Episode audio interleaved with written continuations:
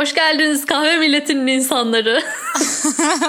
Aa bir dakika ekmek teknesi. Hasan Kaçan mı diyordu bunu? Galiba. Herodot Cevdet. Güzeldi. Güzel bir intro oldu. Beğendiyseniz like'a basmayı unutmayın. Tamam. Bugünkü konumuz like'a basmak. Hakikaten ama bugünkü konumuz biraz onunla ilgili. Sosyal medya. O değil de birisinin gerçekten giriş yapması lazım.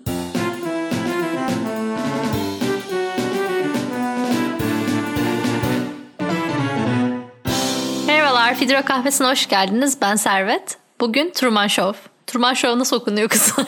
Truman mı? Truman Show. The Truman Show aynen. Ay böyle yok tam, tam böyle Amerikan aksanı söyleyeceksin. Söyle bakalım Servet. Truman Show konuşuyoruz. Oldu mu? Fidro approved. Evet. Bu kadar. Konuşuyoruz, konuşamıyoruz. Az önce Süreyya diyordu biz ne konuşacağız? Ne tamam konuşacağız? Truman Show'u izledik. Niye izledik? Neden buradayız? Neden Evet. toplandık? Yani. Süreyya sarmadı mı film? Yani ben filmi tekrar izlemedim de e, izlediğimi hat yani İzlemedin mi? tekrar izlemedim. Yani izlemiştim. Aa, Sadece sen izledin mi Matmazel Luna? Valla ben bugün e, röportaj için insan kovalarken o arada bir yandan makale okudum bir yandan Truman Show'u açıp beşinci kez falan artık bilmiyorum bir daha izledim. O yüzden kendimi tebrik etmek istiyorum. biliyorum. bugün gerçekten podcast'a adadım diye düşünüyorum kendimi. Ben de trailerına baktım hani böyle hatırlayayım falan diye. Yani Allah razı olsun. Bence Süreyya şu an e, izleyip gelen dinleyicilerimizden özür dilemeli. Bazı insanlar gerçekten sırf biz bu konuda konuştuk diye gidip filmleri izliyor, dizileri Tekrardan. izliyor. yani ne bileyim Şey, ben haklarını helal etmelerini istemelisin bence. ya işte izledik ya önceden Truman Show'u o yüzden şey yani hani hatırlıyorumdur konuyu temayı hatırlıyorum diye şey etmedim açıkçası tekrardan. tamam tamam. O zaman bu konudan başlayalım. İlk ne zaman izlemiştiniz? Neredeydiniz? Kaç yaşındaydınız? ne hissetmiştiniz? Hatırlıyor musunuz? Süreyya'cığım senden başlayalım madem. Ee, ya ne zaman izlediğimi hatırlamıyorum ama ne zaman çıkmıştı film? Ay şu an karman çorman oldu. 98. 98 tabii çıktığı zaman izlememişizdir muhtemelen daha ben 7 yaşındaydım. o zaman yani. Bu arada Hikmet Hanım'ın yokluğu belli oluyor yani. Gerçekten hepimizi şey yapıyormuş herhalde. Düzene koyuyormuş. bir disipline ediyordu değil mi bizi böyle? Ha, Aynen. Belki yani yakın bir zamanda izlediğimi hatırlıyorum. Belki 5 sene falan olmuştur yani o kadar çok olmamıştır. İzlerken sonradan adamın hani o olayı fark etmesini, bir şeylerin döndüğünü, yani neden herkesin ona dikkat ettiğini ve daha sonra işte bu gökyüzündeki bazı hani anormallikleri falan görmesi çok yani çok değişik duygular uyandırmıştı bende. Bir tabii bunun böyle hani teolojik tarafı falan da var. Hani böyle bir dünya içerisinde yaşıyorsun ama aslında gerçek bir dünya değil ve farkına varıyorsun. Böyle bir değişik yani çok bilmiyorum güzel değişik duygular hissetmiştim açıkçası izlerken. Ee, Ama tabii detaylarını falan ayrı konuşabiliriz yani. Ama beğenmiştim, bayağı beğenmiştim yani. Hatırladığıma göre 5 sene önceki filmi, izlediğim filmi bayağı etkilenmişimdir. Matmazel Luna. Bende de Truman Show'un yeri bayağı ayrı çünkü e, lise 2'de yanlış hatırlamıyorsam bir sinema film kulübümüz vardı bir hocamızla okul çıkışında kalıp böyle belki Servet de arada vardı o kulüpte diye hatırlıyorum ama belki yanlış Evet. hatırlıyorumdur. Vardı ama ben orada izledim hatırlamıyorum. Ben öncesinde izledim Orada hatırlıyorum. ben ilk orada izlemiştim ve hani sonrasında oturup konuşuyorduk tam olarak bu Fidro'da yaptığımız işi. Lise 2 öğrencisi olarak yapmayı çok böyle hoş bulmuştum. Zaten belli ki çok bir aşama kat edememişim. Son 10 yılda aynı noktadayım. Aşk olsun. ya. ya işin şakası yani gerçekten biraz hani izlerken tabii oradaki yorumları da düşündüm. Bugün tekrar izledim. O arada birkaç kere daha izlediğim diye hatırlıyorum ama en çok işte o lisede seminer salonunda izlediğimi hatırlıyorum. Bilmiyorum film bende genel olarak çok güzel bir tat bıraktı. Bir de böyle biraz gözümüze sokulan e, sembolik şeyleri de hani Süreyyan bahsettiği hem teolojik unsurlar hem bilmiyorum kapitalizm eleştirisi gibi çok hani şeyleri de çok hoş işlediğini düşünüyorum. Yani Jim Carrey'nin orada olması bu ağır konuları çok hafifletici kılıyor. O yüzden hani siz bu hafta önerdiğinizde de sevinçle atladım. Hadi Peki konuşalım. sen şeyde mesela bir lisede izledin bir de daha yeni dün izledin. İkisi arasında herhangi bir fark hatırlıyor musun? Ya ben o zaman şunu hiç anlamamışım ya da bu sefer şöyle ayrıca etkilendim dediğim bir şey oldu mu? Yani evet. Bugün onu düşünüyordum. Hani farklı ne tecrübe ettim diye. Ya galiba mesela daha önce de eminim etkilenmişimdir ama işte Truman bunu fark edecek mi ya da hani şüpheli olaylar daha çok dikkat çekiyor. Çünkü olay aksiyonu onlar taşıyor ama bu sefer izlerken şey daha çok vurdu beni. Aile üyeleri yani adamı herkesin yalan söylüyor oluşu, işte karısı yani belki kendim evlendikten sonra daha çok vurmuş da olabilir. Hani bir evlilik ilişkisinin böyle bir televizyon şovu için e, yani bir tarafın bir reality oyuncusu olması bir tarafın gerçekten o, kişiyle evli olduğunu düşünmesi gibi ya da işte annelik babalıkla kurdukları bağlar hani böyle çok film bunları çok hızlı geçiyor aslında. Düşünce kısa bir film böyle bir konu için. Ama beni daha çok vurdu. Dolayısıyla hani filmin bu tarz yani bu her şeyle kurduğu ilişki biraz daha sert geldi tabii otomatik olarak. Evet yani aslında aslında bir bakıma çok dram dolu bir film gibi. Yani düşünsene etrafındaki herkesin sana ne büyük yalanlar söylediğini işte kocan işte karın dahil annen baban ya da başkaları vesaire. Servet sana sen ne düşündün diye soruyorum ama sadece bir şey ekleyeceğim. Yani bir de beni şey çok üzdü yani izlerken hani bu trailerına falan da baktım ya tekrardan hani şey böyle hafif tekrar anımsamak için. İnsanlar bunu oturup izliyorlar ve eğleniyorlar ya hani işte aa bak şöyle yaptı aa bak bunu yapacak falan.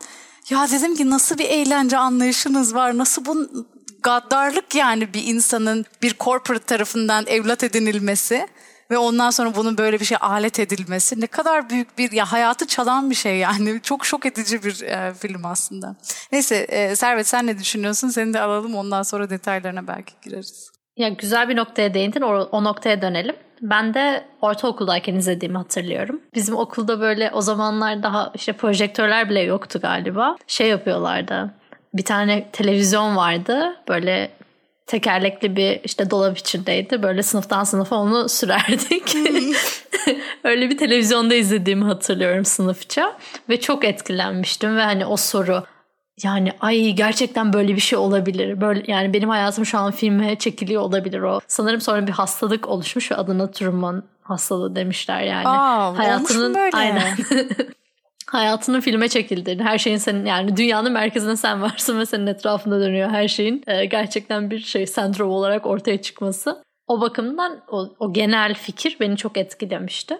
Senin daha demin söylediğin noktaya dönecek olursak filmin senaristi bu senaryoyu 1992'de bitirmiş ve bu reality show'lar var ya şu an insanların günlük hayatını izliyoruz biz şu an işte senin dediğin var ya kim bunu izlemek ister, kim birisinin dişini fırçalamasını izlemek ister sorusu. Gerçekten de önemli bir soru ve senarist bunu yazarken hani daha reality show'lar hiç yokmuş. Sanırım ilk reality show işte The Real World kaç yılında çıkmış hatırlamıyorum ama hani 90'ların ortalarında sanırım. Ee, dolayısıyla hani film bu olaydan sonra çekiliyor.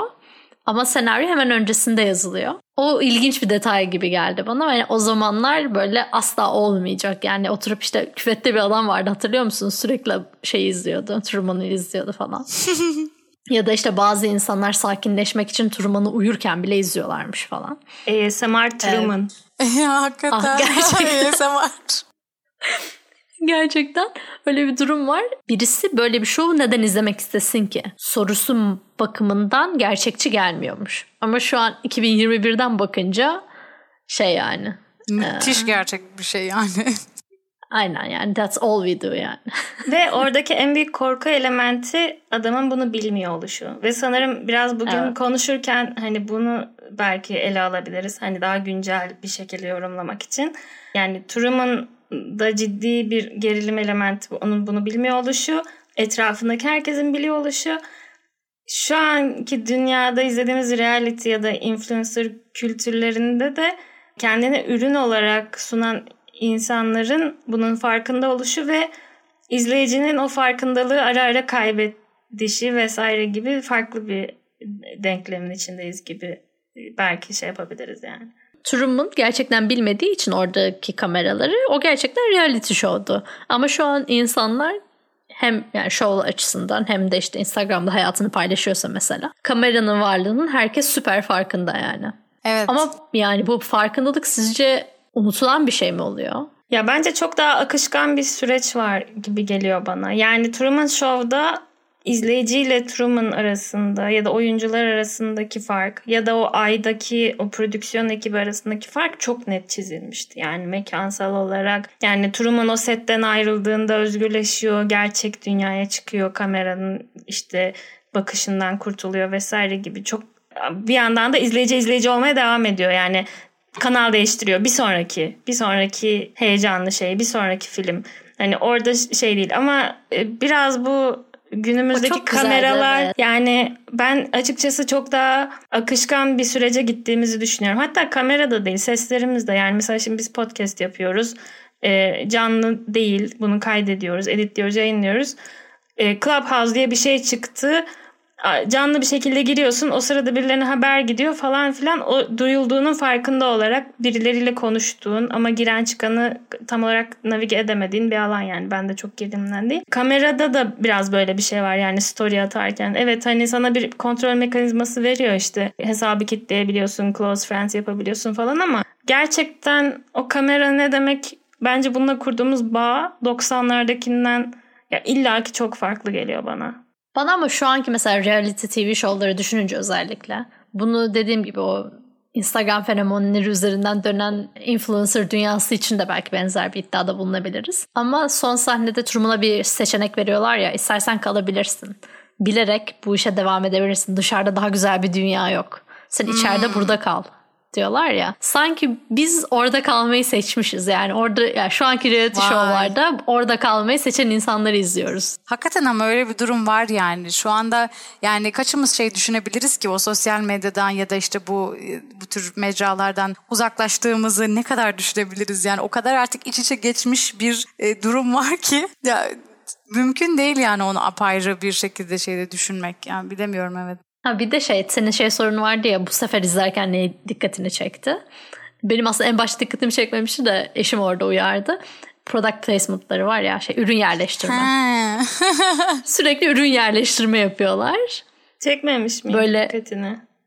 İlk yani ilk ilkinde çekmemişti. Bu hani kadının falan yaptığı çok bariz şeyler var sanki evet, işte evet. yeni bir işte mutfak ürünleri falan. Onlar barizi de ben şey hiç konuşulmadan sadece görüntüyle yapılan şeyleri fark etmemiştim. Hı-hı. Mesela işe giderken kamera açıları doğru olsun diye adamı böyle bir tane şey levhaya şey yaslayıp duruyorlar. Orada arkada bir tane şey var çünkü reklam var aslında hani Truman'ın farkında olmadan seyirciye o reklamı şey yapmak istiyorlar. E, yansıtmak istiyorlar. Onun için böyle Truman'ın sürekli şeyini değiştiriyorlar. Pozisyonunu değiştiriyorlar.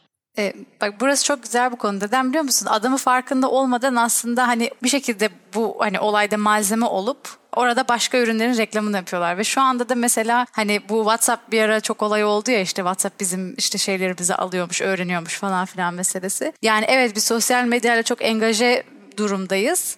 Ama aynı zamanda mesela Twitter bana geçen bir soru sormuş. Diyor ki işte hani seninle daha ilgili olabilecek reklamlarımı gösterelim yoksa daha az ilgisiz olacak reklamlarımı gösterelim. Durdum düşündüm ya ikisinde fa- hiçbiri farkı yok ki. Bu demek oluyor ki beni tanıyorsun. Benim ilgimi çekmeyen şeyleri de biliyorsun. ilgimi çeken şeyleri de biliyorsun. Yani bir bakıma aslında oturumunun yaşadığı şeyi biz farkında olmadan seçerek ve bilerek belki hani kendimiz isteyerek giriyoruz. Kamerayı istediğimiz gibi kullanıyoruz. Ama o sürecin içerisine, içerisine gene farkında olmadan dahil olduğumuzu hani görmüş oluyoruz bir bakıma. Bu arada gelmeden biraz bir iki tane makale okudum. Referans bölüm notları kısmına da koyarım. Şey anlatıyor. Aslında senarist en başta daha karanlık bir senaryo yazmış. Ve en başta senaryo bir yandan midem gurulduyor. Arkadan inşallah mikrofon sesleri almıyordur neyse. Ee, senaryo şeyde geçiyor. New York'ta geçiyor. Ve Truman daha böyle şey bir karakter, karanlık bir karakter. Karısını aldatıyor. Ondan Zaten sonra... aldatıyor. Bunu da konuşalım birazcık. Ben bunu çok Doğru söylüyorsun. Yani. Evet. Aa, evet ben niye bunu böyle düşünmemişim? Yani kad- kadına ben de ilk defa bu izleyişimde çok özür dilerim sözünü kestim ama yani Marilyn'di değil mi karısının adı? Diğer kız da Sylvia. Yanlış hatırlamıyorsam. Galiba evet orada hem prodüksiyonun adamın hayatını öyle bir dikte ediyorlar ki hani evlenmek zorunda kalıyor gibi. Ama bir yandan Truman'ın oradaki özneliği de hani çıkmak isterse çıkardı meselesi. Hem kızla evleniyor hem diğer kızı unutamıyor falan. Ve prodüksiyon o kızı unutamayışını da bir metaya dönüştürüp pazarlıyor. İşte geçmişten kızı niye unutamadığını, kızla bakıştığı, aslında kızınla bakışmasına izin vermiyor ama yine de o çalıp bakıştığı sahneleri ısıtıp ısıtıp özel special kasetlerde millete satıyor mesela. Ben bunu bu izleyişimde fark ettim yani. Bu birkaç kere geçmişti aslında. Önceki bölümlerimizde de bahsetmiştik. Bu reality show'larda son birkaç senedir çok trend olan bir şey var. Bu dördüncü duvarı yıkmak diyoruz.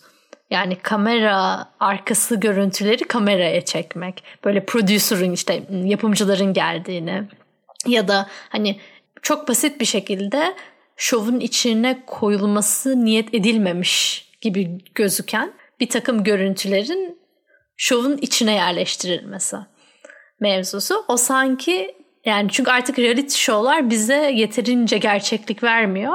Gerçekliği yine kamera önünde nasıl daha da iyi şey yapabiliriz, capture edebiliriz. Yakalayabiliriz. Yakalayabiliriz. Nasıl daha da iyi yakalayabiliriz sorusuna böyle bir çözüm buldular mesela son zamanlarda. E, o dediğin daha demin Matmazel ona, ona benzettim biraz. Orada sanki kadın o dördüncü duvarı yıkmaya çalışıyor. Kaçıyor falan. Orada biz bu işin izleyiciler olarak bir prodüksiyon olduğunu fark ediyoruz. İşte gidiyorlar, kaçıyorlar, öpüşüyorlar, işte ayrılıyorlar vesaire. Sonra bu şeyi görüntüleri yine aslında editleyip, paketleyip yerleştirmiş. Hmm. Kadına parasını veriyorlar mı? Ben bunu düşündüm mesela. Yani aradan 5 yıl geçmiş. hani o oyuncunun orada ömrü çok sınırlı. Orada figüran olarak aldıkları bir kız yani aslında. Neyse işin şakası para mevzu dışında bu söylediğin şey mesela Bachelor'da da denk geldim bu evet. sezon. Mesela adam normal şeyin dışında işte gül verme seremonisi dışında gidip e, prodüktörlerle çay içiyor. Ve bir tane kız onunla görüşmek için onu çağırmaya gidiyor bana çok ilginç gelmişti yani. Normalde hani ona seslendiği ayrı bir sahnede çekebilirlerdi. İşte hani hiç çekmeyebilirlerdi ama resmen adamın arka planda o işte prodüksiyonla konuştuğu bir sahne görmüş olmaya çok şaşırmıştım. Bir de ama e, görmedin konuda da sen bunu. merak ediyorum. Yani onu da kurguladılar aslında. Oradaki tabii, o tabii işte onu da koydular yani. yani. Çok ilginç bir şey bu. Bunu mesela geçen şeyin Kim Kardashian'ın bir röportajında şunu de, açıkça söylediğini duyduğumda böyle bayağı şaşırmıştım. Ben böyle bu Keeping Up with the Kardashians diye işte 16 sezonluk bunları ünlü yapan bir şovları var ya o bitti bu pandemi döneminde galiba.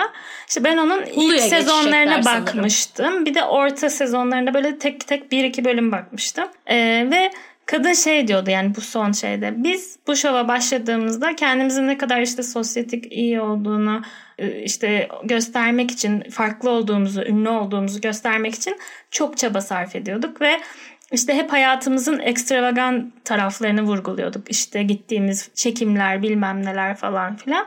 Şimdi son sezonlarda artık ne kadar diğer insanlar gibi olduğumuzu, işte aile ilişkilerimizin bizim için ne kadar önemli olduğunu, ne kadar sıradan işte yemek yapmakla uğraştığımızı vesaire. Çok ilginç ya. Çok Bunu ilginç söyledi bir mesela bir röportajında ve gerçekten ben de çok enteresan buldum. Biraz yani e, belki kıyaslarken yani şimdi mesela Truman Show bağlamında konuşacak olursak oradaki sembolizm işte Christoph diye ayda bir yönetmen var. Christ of Truman yani resmen hani tanrısı yani gibi o. Zaten creator'ı şovu.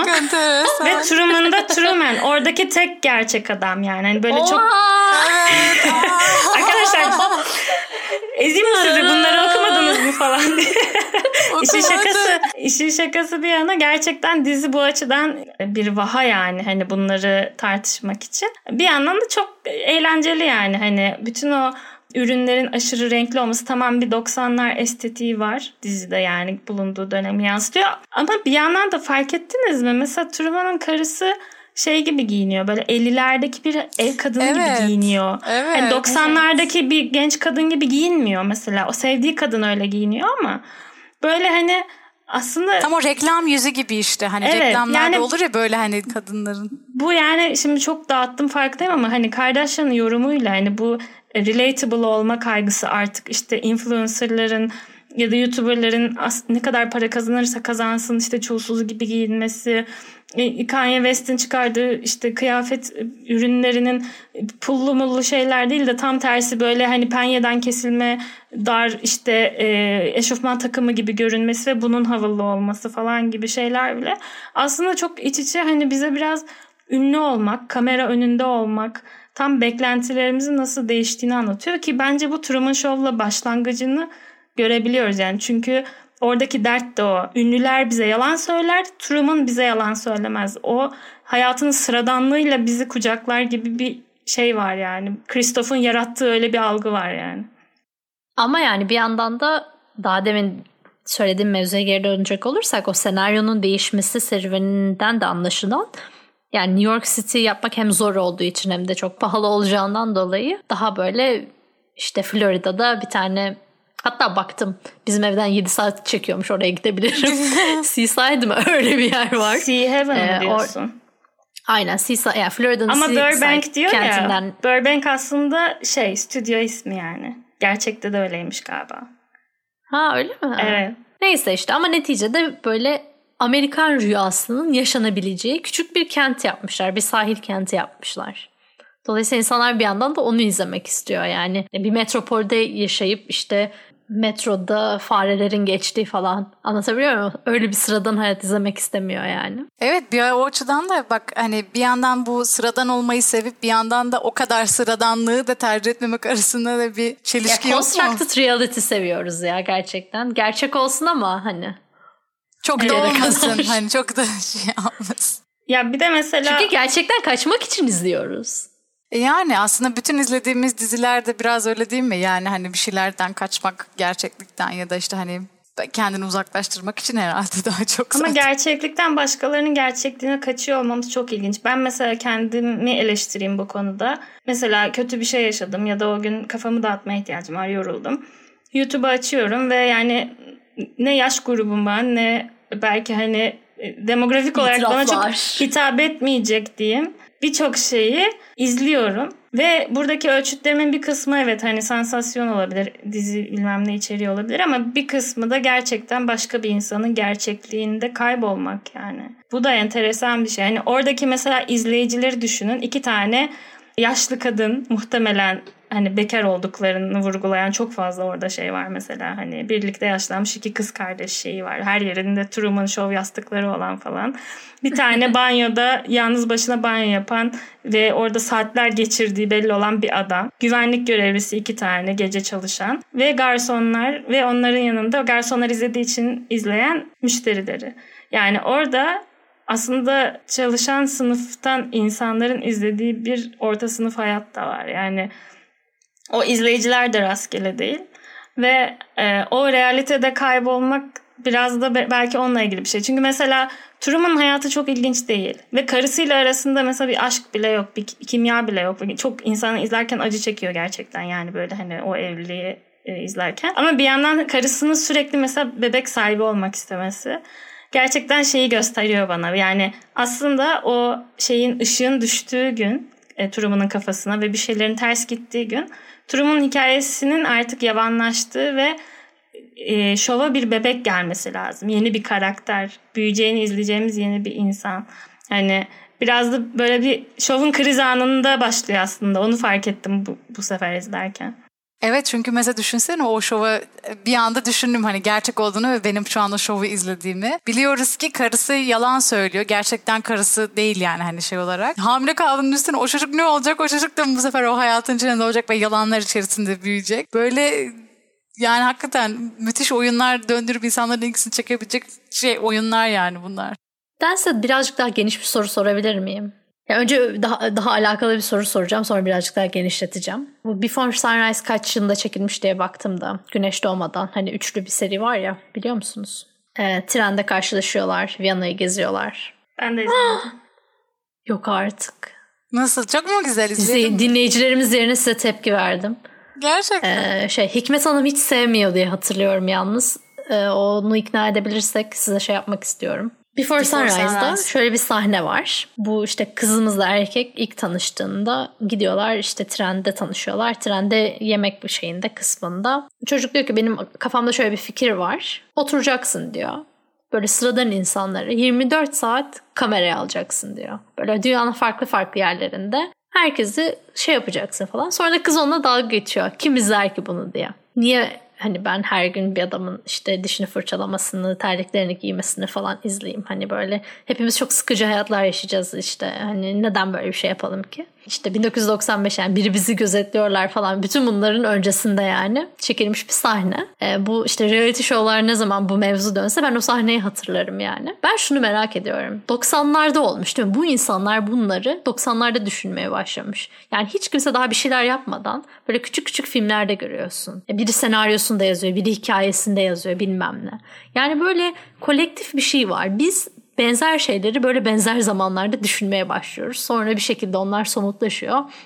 Bazen hayata geçiyor, bazen değişerek dönüşüyor. Yani bazen tarih okumalarını yanlış mı yapıyoruz diye düşünüyorum bu bağlamda da. Çok daha teorik olmasın diye devamını anlatmayacağım. Şey, kayıttan sonra size ayrıca anlatırım da. Bir tane yeni bir tarih kitabı hakkında da hani o, o kontekste çok teorik bir sohbette de benzer bir şey düşünmüştüm de oradan geldi yani aklıma. Soru mantıklı mı? Sorabildim mi? Çok bence mantıklı. Neyse Süreyya sen bir şey söyleyeceksen söyle ben çünkü aklıma bir şey vardı bununla ilgili daha önceden. Ya hani şey yok ben hani tarihi nasıl yanlış mı yorumluyoruz şeyin dedin ya daha merak ettim yani daha açman gereken bir konu aslında yani hani anlaşılması için onu diyecektim. Açabilirim yani aslında o dediğim tarih kitabı da kitabı unuttum yani referanslarını yazarım. Ama kadın şundan bahsediyor. Biz bu aslında bayağıdır bahsediyoruz teleolojik zaman kavramından. Zamana böyle ilerlemeyici yaklaşan e, sürekli geliştiğin, de modernleştiğin, dönüştüğün e, ama hani sürekli yükselerek giden ve aslında nereye gittiğinin de yani sonunun da başından belli olduğu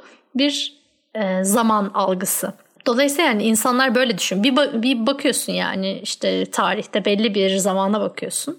E, ve insanlar hep böyle okumuşlar. İşte İslam alimlerine bakıyorsun böyle şeyler çıkıyor. İşte batılı düşünürler Marx mesela böyle bakıyor vesaire. Anlatabiliyor muyum? Böyle bir time frame var ve insanlar hep o zaman diliminde benzer düşünüyorlar. Ben mesela okuyunca yıllara bakıyorum tamam mı? E, çok benzer yıllarda işte atıyorum evrimsel düşünce tarzı. Çok benzer yıllarda adamın bir tanesi işte Spencer bir şey yazmış Sonra birkaç yıl sonra da bir tane İslam dünyasından bir adam yazmış benzer bir şeyi. Bu sefer hemen diyorsun ki tamam bu ondan etkilenmiş. Halbuki benzer yaşam koşulları ikisini de aynı şeye itmiş olabilir. Aynı şekilde düşünmeye. Atıyorum bir takım teknolojik değişimler, sosyolojik değişimler anlatabiliyor muyum? Ya bu dolayısıyla tarihi okumasını yanlış yapıyoruzdan kastım o. Yani biz birbirimizin haberimiz olmadan kafalarımız aynı şekilde nasıl çalışmaya başlıyor ve böyle çok benzer şeyler üretmeye başlıyoruz. Çok benzer fikirler ortaya çıkmaya başlıyor. Güncelde bunu görüyorsun o iki kişinin birbirinden etkilenmediğini. Çünkü hayatlarını biliyorsun, yolların hiçbir zaman kesişmediğini anlıyorsun. Ama tarihe baktığımızda bu net bunu okumuştur diyorsun. Orada o hatayı yapıyor olabiliriz. O zamanda da şey yapıyorsun. Ha işte Doğu toplumları her zaman Batı'yı kopyalamaya çalıştı diye okuyorsun bu sefer bunu. Halbuki yanlış yani. Bu senin kitap bunu mu yani e, argümanı bu evet, şekilde kadının mi? tezi buydu. Ha. Kadının Aslında... tezi buydu. Hayır yani batıdan etkilenmediler. Bu hayat koşulları hepimizi benzer bir şekilde düşünmeye itmişti. Bu aslında global olarak yaşadığımız bir dönüşümdü diyor. Çok mikro bir örnek verebilirim. Mesela bizim ekonomi departmanında bazen hocalarla konuştuğumuzda şey diyor yani sen şu anda bu konuyu çalışıyorsun ama unutma ki muhtemelen seninle aynı anda bu konuyu çalışan başka insanlar da var. o yüzden çabuk olman lazım. Hani o insanlar kim, nerede, ilişkin var mı yok mu muhtemelen yok tanımadığın kişiler ama bir şekilde e, okudukların, yaşadığın zaman vesaire izlediklerin seni o aynı yola iletebiliyor yani. Hatta daha kötüsü aynı şeye bakıp aynı şey görme, aynı şekilde yorumlama ihtimaliniz de var. Çünkü metotlarınız, hayata bakışınız, olaya yaklaşımlarınız benzer. da benzer. Çünkü aynı dönemin ürünüsünüz yani. Evet. evet. Buluşlarla ilgili sanırım böyle bir çalışma vardı. Yani ben böyle bir şey okumadım ama bununla ilgili bir video izlemiştim. Hani belli dönemlerde belli buluşları aslında tek bir kişinin yapmadığı, en çok kişiye ulaşanın o, o kişinin o işin mucidi olduğu ile ilgili. E, bu dediğin bana birazcık daha böyle e, şimdi gri bir alana gireceğim ama şunu düşündürttü. Özellikle hani filmler üzerine konuştuğumuzda böyle belli dönemlerin belli bence psişik ortak özellikleri oluyor. Ve bu çok farklı janra olan filmlerde de görülüyor. Mesela şeyi e, hatırladım bir e, film dersi almıştım üniversite son yılımda e, böyle seçmeli olarak. Ve orada şeyi konuşmuştuk. Ki Truman Show'u izlerken unutmuştum. İlk sahnede o tepeden ışık düşüyor ya. E, Donnie Darko'yu izlediniz mi bilmiyorum. Donnie Darko'nun da önemli bir e, elementi. Filmin bir yerinde çocuğun tepesine uçak motoru, küçük bir uçak motoru parçası düşüyor. Ve yani filmde bir şeylerin ters gitti ya da hani o şeyin durumun sorgulandığı an bununla başlıyor. Ama hiç ışık mışık çok alakasız farklı janra olan çok daha karanlık bir film Donnie Darko. Bu Donnie Darko'daki düşen uçak motorunun da 11 Eylül olaylarının bir alegorisi gibi olduğu yani Amerikalıların o gökten bir şey gelecek korkusunu yaşadığı ondan sonra bir gökyüzünde leke tasvirlerinin işte ne kadar fazla Watchmen'i olduğu. okuduk ya. Efendim? Watchmen'i okuduk Evet, ya New evet. York'un ortasına düşen Evet. meto- meteor değil neydi Ee, o? şeyler, karidesler yani. falan vardı Evet, evet. kocaman devasa şeyler, ahtapot falan vardı mesela. Hani bu Amerikalıların içindeki bu gökten gelen bilinmeyen cisim korkusu ve bu leke, bu bir şey geliyor ve huzurumuzu bozuyor şeyi aslında çok ciddi bir tema ve tek bir kişinin aklına gelmiyor. Yani ben de hani öyle daha sıralı düşünürdüm. Ha bu bundan etkilenmiş, bu buna atıfta bulmuş. Ama bir yandan da öyle de değil. Ve mesela bu 98'de çekiliyor bu film. Bilerek baktım çünkü e, 11 Eylül'den önce aslında. Ama önemli değil yani. O ona sebep oluyor. O onu işte hani komplo teorileri var ya böyle işte hani biliyorlardı falan diye. Yani bu konuya nasıl yaklaştığımızın dışında diyeyim. Yani orası çok şey bir alan girmeyeyim ama biraz hani zamanın daha hani dediğin gibi böyle sıralı giden bir şey olmadığını düşünüp hafif kafayı kırdığımız bir anda hani şu an bilimsel bir şeyden bahsetmiyorum artık çıktım oradan tamamen daha böyle sanatsal ve psişik bir şeyden bahsediyorum. O korkuların bir anda hani gerçek olmuş olması da çok enteresan bir şey yani. Hani ben buna sadece bir komplo ya da şey olarak bakmıyorum. Zamanın ruhu dediğimiz hatta böyle bir film de vardı 11 Eylül ile ilgili Zeitgeist diye bir dokumentari vardı galiba. Yani zamanın ruhu dediğimiz şey bu filmlerde dediğin gibi çok ilginç yansıyor ve bu reality meselesi, kamera meselesinin o teknolojiden önce gelmiş olması ya da o e, hayatımıza bu kadar girmeden önce bazı şeylerin anlatılıyor olması da sanırım bununla ilgili. Çok uzattım ama anlatabildim mi? Bilmiyorum. Evet evet.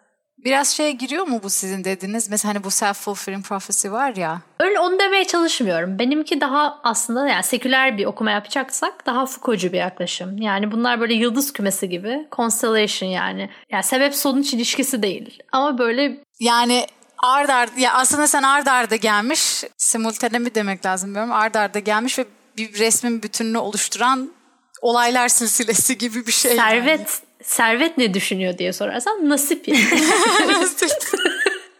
Ama bir saniye burası bir dakika e, bu konuya girmeyebiliriz de konuyu merak ettim çünkü bu sefer böyle yaklaşırsak hakikaten bu neden sonuç ilişkisinde büyük bir çıkmaza giriyoruz. Yani ki birçoğumuzun alanında mesela özellikle de benim çalıştığım ampirik hani iktisat şeyinde bu neden sonuç Regresyon yok. Ekonometri Ya, yok. Şey, Schrödinger'in kedisine falan doğru gidiyor şu an konuşmamız. Ya evet yani. hani böyle zaman tünellerine falan gireceğiz yani. Ama bir gün Hani girelim bence şey birkaç lütfen. film seçip bu konulara girelim. Filmler üzerinden çünkü konuşması daha kolay. Öbür türlü çok saldırıya maruz kalırız gibi hissediyorum yani. Kendime de saldırasım gelir hani hem e, empirik çalışmaya çalışıp hem bir yandan o iş öyle değil aslında gelecekten geçmişi bir şeyler yaptılar falan gibi tartışmalarda e, rasyonel bir birey olarak değil de bir film yorumcusu olarak e, bulunmayı tercih ederim. Ya kurgu her zaman aslında bilimin ötesine geçiyor bir şeyleri anlatmaya çalışırken. Kesinlikle. Back to the Future Çünkü yanlışlıkla diye. daha Hayal çok şey yani. anlatıyorsun. Yanlışlıkla daha komplike bir şey bir resim çizmiş oluyorsun yani.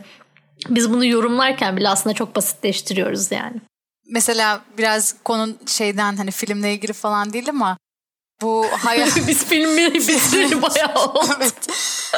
Yani hani o konuyu iyice uzatmak olacak bilmiyorum da bu mesela benim en çok dikkat ettiğim şey bu George Orwell'ın hani birçok romanında şeyi fark ediyorum bazen. Ya bu adam bu kitabı 1950 yılında yazmış ve şu anda söylediği birçok şeyin birçok ülke için geçerli oluyor olması okuduğum kitaplarında falan. Bazen böyle şok geçiriyorum ya yani neredeyse 100 sene olacak yani adam mesela atıyorum bu kitabı yazmış şey olmuş yani.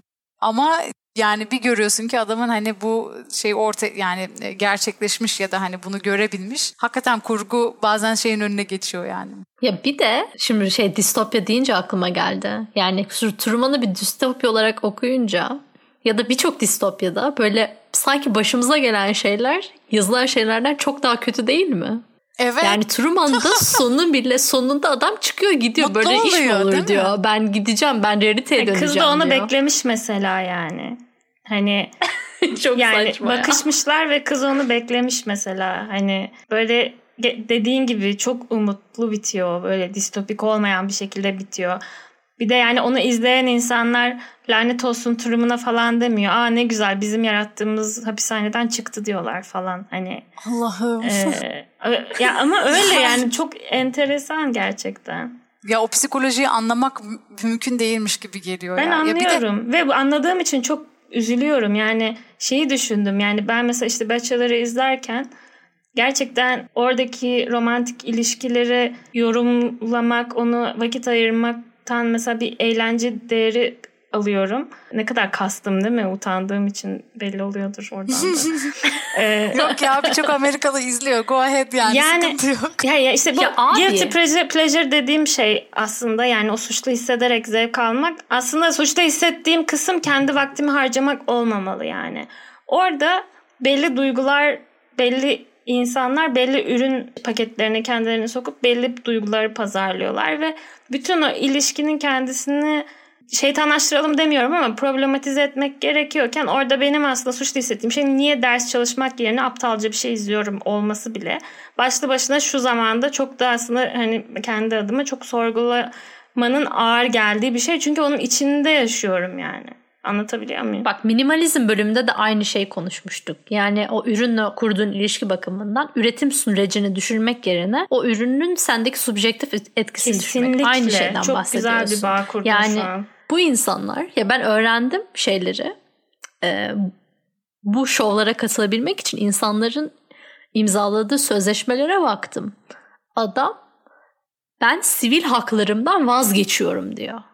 Evet ya. Yani bütün yani o şey yalan söyleme, manipülasyon işte falan hiçbir şekilde dava açamıyorsun vesaire. Bütün bunları geçtim. Ben bütün sivil haklarımdan vazgeçiyorum bu şova başvurabilmek için diyor. Şovda oynamak için de değil ha. Sadece başvurabilmek için bütün bu belgeleri imzalayıp öyle şey yapıyorsun. Yani insanlara bunu yaptırabilecek bir düzeni karlı bir sistem haline getiren de biz tüketicileriz Ve yani. bir yandan da Doğru. Amerikan vatandaşı olmak için havasız yerlerde yolculuk eden, işte mahkemelerde e, dili bilmediği halde işte mücadele eden, çocuğuna pasaport almaya çalışan bir sürü insanı düşününce hikayenin geri tarafında. Amerikalı olduğu halde mesela bu haklarından feragat edebilmesi bu insanların bu sistemin içine girmek için gerçekten çok karanlık. Bir anda işte o Truman ne kadar kara, daha karanlık bitebileceğini düşündürtüyor bana şu an ve böyle bir dehşete düştüm tekrar yani. Yani ben o zaman da şeye takılmıştım. Yani burada mesela avukat katılıyor şey olarak, talip olarak. Bu insan sen avukatsın yani. Sen hukuk sisteminde aktör olmak üzere yetiştirmişsin kendi. Bundan para kazanıyorsun. Böyle bir mesleki itibarın var ve gidip böyle bir şey nasıl imzalarsın? Mesela buna takılmıştım ama şu an düşünüyorum bu bile o kadar saçma ki yani hikayenin geri Ya sen kalanına bak. insansın. Bir Evet insan sen insansın ya. ve e, Ama bu ne biliyor musun? Bizim bu bütün işte e, gizlilik anlaşmalarını okumadan imzalamamız var ya onun gibi. Her yıl milyonlarca insan başvuruyor buna. Herkes imzalıyorsa ben de imzalarım deyip okumadan imzalıyor muhtemelen insanlar. acıdı şu Yani an evet ama. nerede enforce ediliyor mesela o sivil haklarını şey o kanun. Ay ne dedin duymadım. Ay, acıttı yani Servet'in söylediği şey üzdü yani. Gerçekten e, ne kadar çok şey imzalıyoruz. Rutinleşiyor. Bu sabah dişçiye gittim yani bir imzalar attım bir şeyler yaptım ama Ne yaptın? Şey, arabamı vermiş olabilirim yani haberim Ya, çok özür dilerim çok sapıcım ama geçen izlediğim bir YouTuber biraz da narkozun etkisiyle şey 20'lik dişini çekmişler istemiş vermemişler. Ne imzalattılarsa artık ağlıyordu vermediler dişini diye narkozun etkisiyle. Sana da öyle bir şey mi yaptılar? Verdiler mi dişini Servet? Kapatalım mı? Üzgünüm herkesten bu antiklimaktik paylaşım için. ya Ama bir şey oldu. o zaman şöyle kapatmadan önce gerçekten hani filmde en çok sizi etkileyen şeyi ben bağlamak istiyorum. Baya güzel şeyler konuştuk. Ve hani belki Truman Show'dan ilhamla bu konuştuğumuz konularla ilgili farklı şeyler izleyebiliriz. Belki dinleyicilerimizin de bize önerileri olur. Şu kaçın kurası için önerilerinizi gönderin artık. Gerçekten iste iste hal olduk. Biz istemeden önce daha çok öneri geliyordu arkadaş. Ben anlamıyorum. Vallahi ya. Neyse yani işin şakası sizi seviyoruz. Süreyya senden başlayalım. Ee, ya genel olarak bence film ya şöyle gerçekten bir şeyleri düşündüren filmleri dizileri ben çok seviyorum. Yani bu filmi izledikten sonra hatta tekrar bu trailerına baktığımda en ilgimi çeken şey orada bir cümle vardı. Hani bir insanı bir bir şirketin evlatlık edinmesi. Yani o insan artık o şirkete ait oluyor. Şimdi bunu söyleyince çok absürt geliyor hani bir filmin içerisinde böyle bir şeyin olması. Hani konuşma içerisinde de bahsettiğim gibi hani bu işte WhatsApp olayları ya da işte bizim az önce sizin söylediğiniz işte nelere imza atıyoruz farkında değiliz. Bir şeyleri agree agree next next next yapıp bir şey setup ediyoruz. Bir şeyleri neleri yaptığımızı bilmiyoruz. Belki aslında Truman'ın olduğundan çok biz belki bazı hani kurmaca ya da farkında olmadığımız bir dünyanın belki içerisine giriyoruz. Hem de hiçbir şekilde hani kamera olmasa bile farklı yollarla bilgilerimizi paylaşıyoruz vesaire. Onun dışında yani işte bu teolojik kısmı işte hani bu yalandır, gerçektir, neyin gerçek olduğu vesaire o kısım gerçekten çok düşündürücü bir elementi yani filmin. Sonuna da iyi ki bence iyi yazmışlar. Çünkü ben gerçekte düşünüyorum hani iyi yazılmasaydı onun muhtemelen o kişinin sonucu herhalde hani intihar etmek falan gibi bir şey olurdu. Yani 30 yaşına 40 yaşına gelmişsin ve tam tam tamamen bir yalan dünya yaşamışsın. Allah'tan iyi bitirmişler, güzel bitirmişler. Teşekkür ediyoruz şeylere. Bence hakikaten çok güzel bir film ve hani günümüzle de çok bağlantı kurabileceğimiz bir filmdi. Ben de mi en sevdiğim sahneyi söyleyeyim? Evet, Servet. Ya klasik cevap vereceğim. O son şey sahne yani gerçekten gökyüzüne çarpıyor ya o bot. Evet. Ondan sonra merdivenler çıkıyor falan. Orası yani. Bu arada yine öğrendiğim bir şey. Jim Carrey neredeyse gerçekten boğuluyormuş. Gerçekten mi? Nasıl? Bu sahneyi çekerken. Aynen çok büyük kriz çıkmış prodüksiyonda. Yani ben artık öldüm demiş. Ondan sonra son bir böyle çırpınışa yukarı çıkmış. Öyle yaşamaya devam Nasıl etmiş. ya yüzlerce? Çünkü bir sürü aslında şey varmış orada hani e, kurtarmak için işte dalgıç varmış ama onlara gizli sinyali yapıyor ama millet çok iyi acting yapıyor diye düşünüp gelmiyor kurtarmaya falan. Aa, Bunu hiç duymamıştım. Oo, çok enteresan. Evet. Aynı zamanda Jim Carrey o sonda hani böyle bir veda ediyor ya. E, işte günaydın, iyi günler, iyi geceler yapıyor, çıkıyor gidiyor ya. Biraz da hani kendisi biraz meta bir ilişki kurmuş diyeyim. Çünkü onun öncesinde Jim Carrey çok ünlü. Bu filme de çok ünlü bir Jim Carrey olarak çekmiş. Ve yani sürekli paparazzi sürekli peşimdeydi. Ve ben aslında daha özel yaşayabileceğim bir hayata geçmek istiyordum. O sahneyle de biraz öyle bir ilişki kurmuş kendisi yani hmm. hani ben artık bu işleri bırakacağım yani sürekli işte komedi filmlerinizde oynamaktan şey yapmaktan çıkıyorum yani ben bu hayattan deyip. Evet ben mesela Jim Carrey'nin sonradan böyle hani röportajlarına falan baktığımda değişik bir adam. Hatta çok bundan bahsediyor yani artık bu Hollywood'un içerisinde yer almaktan ziyade kendi başına işte hani yaşadığını ve işte bu hani düşünce dünyasını geliştirdiğini vesaire nasıl hani... Adamın dediği birçok şeyi yapmışlar biliyor musun? O aynada bir şeyler çizme sahneleri var ya. O Jim Carrey'nin kendi hayatında işte sabunla gerçekten aynaya böyle işte uzaylıları çizmek çizmeler falan adamın kendi günlük hayatına yaptığı şeylermiş. Senaryo okuduktan sonra önermiş mesela öyle şeyleri. Bir de Normalde Hollywood'da asla şey yokmuş yani prodüksiyon hazırsa bir aktör için ertelemezsin onu. Başka aktör alırsın değil mi? Jim Carrey için bir yıl filmi çekmeyi ertelemişler. Bence çok doğru bir karar Çünkü o Jim Carrey yani. olacak Gerçekten diye. Jim Carrey'in yani e, ol, olmuş bu arada Servet'in dediği bu sahne bana şunu düşündürttü şu an. Hani bu adanın adı Sea Haven ya yani deniz cennet gibi bir şey şey çevirebiliriz. Hani orada merdivenden çıkıp sonra dışarı bir karanlığa gidiyor ya sanki böyle Adem'in cennetten düşmesi gibi bir sahne yani gerçek dünyaya. Özür dilerim fazla teolojik bakıyor olabilirim ama yani ilk defa hani fark etmiştim onu. Ee, gerçekten ilginç. Ben de bilmiyorum tek bir sahne yok aklımda. Ee, her izlediğimde beni hem etkileyen hem gülümseten bir film ama biraz bu izleyişimde yani yine çok klişe olacak ama hani böyle bir Matrix şeyi gibi geldi o sahne bana. Yani kırmızı hap mı mavi hap mı sahnesini filmin sonuna koymuşlar. Kesinlikle. O da insana tabii kendine sordurtuyor. Yani bir yandan mükemmel hayatı yaşamak için neyse tırnak içinde bu kadar çaba sarf ederken işte iş sahibi olmak neyse iyi eşyalar, iyi komşular neyse bunların peşinden koşarken bir yandan acaba her gün reddettiğimiz bir hap var mı? Ya da çıkmadığımız bir kapı var mı? Çıkılabiliyor mu? Beni en çok rahatsız eden bu. Yani çıkılabilirliğine olan inancımızı yaşaldıkça kaybediyoruz gibi hissediyorum ben. Yani böyle karamsar bir notla bitirmek istemiyorum ama sanki bu filmi ilk izlediğimde 17-16 yaşındayken Truman'ın oradan çıkması benim için daha fazla şey ifade ediyordu gibi hissediyorum. Şu an daha Bir daha de- çok endişeleniyorum onun için şu an. Daha çok korkuyorum yani. Bu da enteresan bir şey. Bir şey olmaz o reklam gerilerinden hayatın o yolunu bulur ya. ya mesela şeyi de düşünebiliriz. Yani şu an bir sürü ya fetüs Instagram'ı diye bir şey var. Yani, Nasıl yani? daha doğmamış çocukların Instagram hesabı açılıyor ve böyle o şey ultrason fotoğrafları yükleniyor. Ondan sonra işte annenin göbeğinin fotoğrafları yükleniyor vesaire ve böyle yüzlerce, binlerce, on binlerce takipçisi olan fetüsler var. Bebekler var. Çok ve enteresan yani bu insanlar ya. büyüyecek tamam mı? Yani aslında bu bu da farklı yani mira, mirasın farklı bir şeyi yani hani o insana bir Instagram hesabı bırakmış oluyor annesi.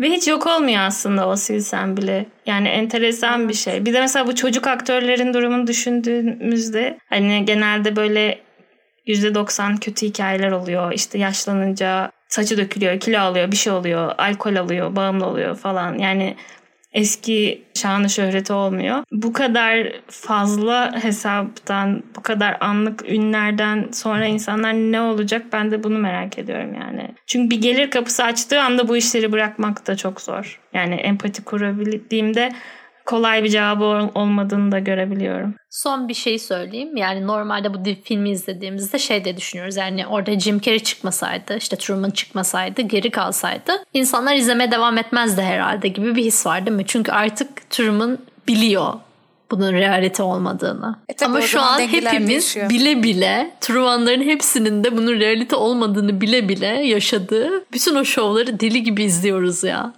Ya artık Truman diye bir şey yok çünkü. Yani kalmadı. Hani o öyle bir ideayı o film üretiyor ve biz o filmden çok kısa bir süre sonra onu tükettik. Haberim yokmuş burada gibi çek pampa. Daha güzel bir kapanış oldu. evet arkadaşlar duygu ve düşüncelerinizi Instagram hesabımızdan bekliyoruz. Aynen. o kadar gömüp ondan sonra. Ne yapalım? Niye koptun diye baktım. O kadar normal ki şu kapanışta Instagram ifade hesabımızdan bahsetmek. Uzun süre düşündüm sonra anladım ironiyi. Şimdi E, şimdi anladım. Sizi bölümün başından beri ezikliyorum. Onu da mı anlamadınız? Bunu da mı görmediniz diye şu an gerçekten rezil oldum. Lütfen bunu da kesmeyelim. Eyvallah. Peki o zaman. İyi o zaman. Hoşçakalın. Hoşçakalın. bakın. Hikmet Hanım'ı da özledik. Onu da Seni seviyoruz. Hikmet. Görüşürüz.